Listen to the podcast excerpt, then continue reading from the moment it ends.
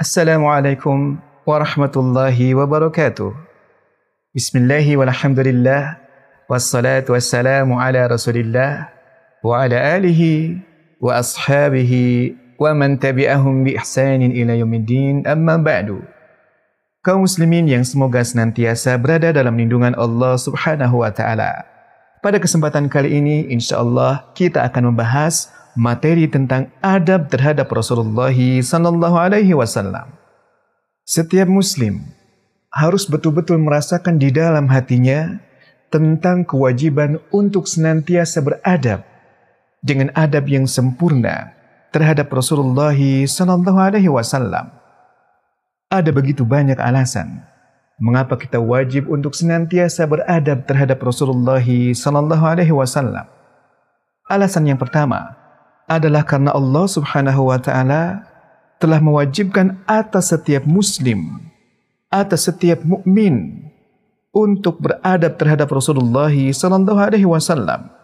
Sebagaimana yang Allah firmankan di dalam surat Al-Hujurat ayat 49 Ya ayyuhalladzina amanu la tuqaddimu baina yaday Allahi wa rasulih wattaqullah.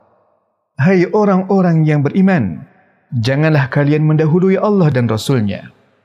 Di dalam surat Al-Hujurat ayat yang kedua, Allah Subhanahu wa taala juga berfirman, "Ya ayyuhalladzina amanu, la tarfa'u aswatakum fawqa sawtin nabi wa la tajharu lahu bil qawl kajahri ba'dikum li ba'd an tahbatu a'malukum wa antum la tash'urun."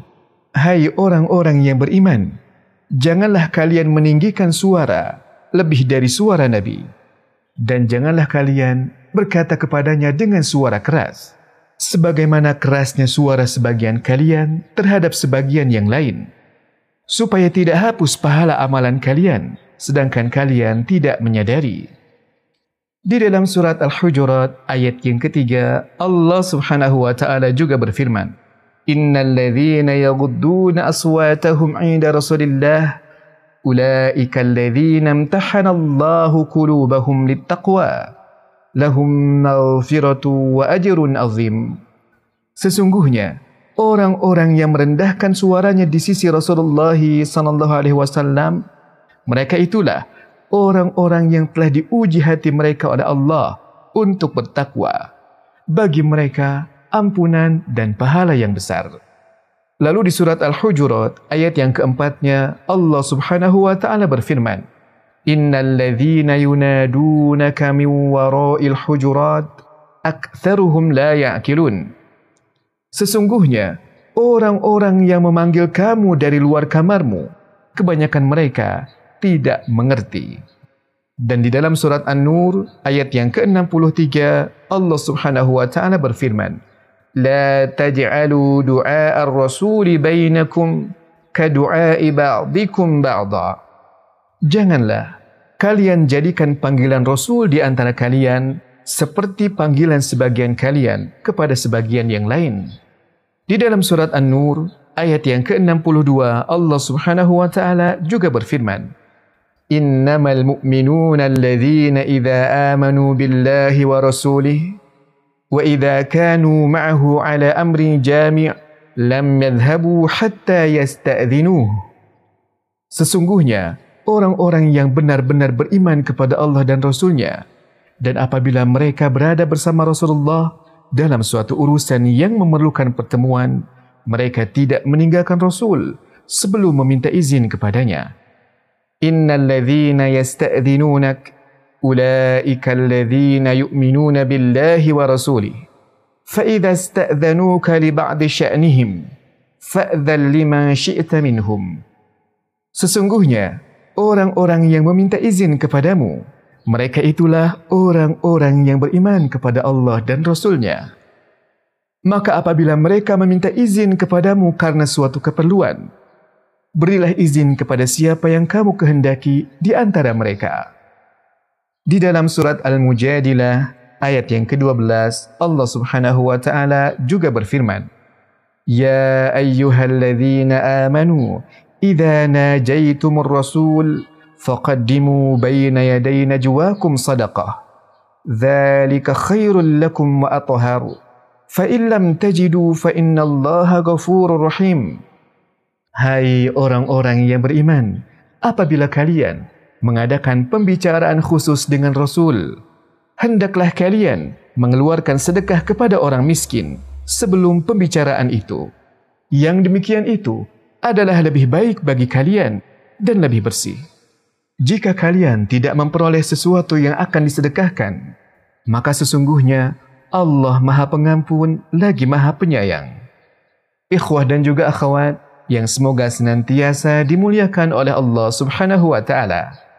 Alasan yang kedua, mengapa kita wajib untuk senantiasa beradab terhadap Rasulullah sallallahu alaihi wasallam adalah karena Allah telah mewajibkan kepada seluruh kaum mukmin agar taat dan cinta kepada beliau. Allah berfirman di dalam surat Muhammad ayat yang ke-33. Ya ayyuhalladzina amanu ati'ullaha wa ati'ur rasul Hai orang-orang yang beriman taatlah kepada Allah dan taatlah kepada Rasul. Di dalam surat An-Nur ayat yang ke-63 Allah Subhanahu wa taala berfirman Falyahdharil ladzina yukhalifuna an amri an tusibahum fitnah aw yusibahum adzabun alim. Maka hendaklah orang-orang yang menyalahi perintah Rasulullah itu takut akan ditimpa cobaan atau ditimpa azab yang pedih. Di dalam surat Al-Hasyr ayat yang ketujuh, Allah Subhanahu wa taala berfirman, "Wa ma ataakumur rasulu fakhudhuh wa ma nahakum anhu fantahu." Apa yang diberikan Rasul kepada kalian, maka terimalah ia. Dan apa yang dia larang bagi kalian, maka tinggalkanlah. Dan di dalam surat Ali Imran ayat yang ke-31 Allah Subhanahu wa taala juga berfirman Qul in kuntum tuhibbunallah fattabi'uni yuhibbukumullah wa yaghfir lakum dhunubakum. Katakanlah jika kalian benar-benar mencintai Allah ikutilah aku. Niscaya Allah mengasihi dan mengampuni dosa-dosa kalian. Ikhwah dan juga akhwat sekalian, disebabkan karena Rasulullah sallallahu alaihi wasallam merupakan pribadi yang wajib untuk ditaati dan haram untuk diselisihi, maka sudah barang tentu dalam segala hal kita harus beradab terhadap Rasulullah sallallahu alaihi wasallam. Alasan yang ketiga, mengapa kita wajib beradab terhadap Rasulullah sallallahu alaihi wasallam adalah karena Allah telah menjadikan beliau sebagai hakim sebagai imam, sebagai pemimpin bagi kita semuanya. Allah Subhanahu wa taala berfirman di dalam surat An-Nisa ayat 105. Inna anzalna ilaikal kitaba bil haqq litahkuma bainan nasi bima araka Allah. Sesungguhnya kami telah menurunkan kitab kepadamu dengan membawa kebenaran supaya kamu mengadili antara manusia dengan apa yang telah Allah wahyukan kepadamu. Di dalam surat An-Nisa ayat yang ke-65 Allah Subhanahu wa taala juga berfirman Fala wa rabbik la yu'minuna hatta yuhakkimuka fima shajara bainahum thumma la yajidu fi anfusihim haraja mimma qadaita wa yusallimu taslima Maka demi Rabbmu mereka pada hakikatnya tidak beriman hingga mereka menjadikan kamu sebagai hakim dalam perkara yang mereka perselisihkan. Kemudian, mereka tidak merasa keberatan dalam hati mereka terhadap putusan yang kamu berikan dan mereka menerima dengan sepenuhnya.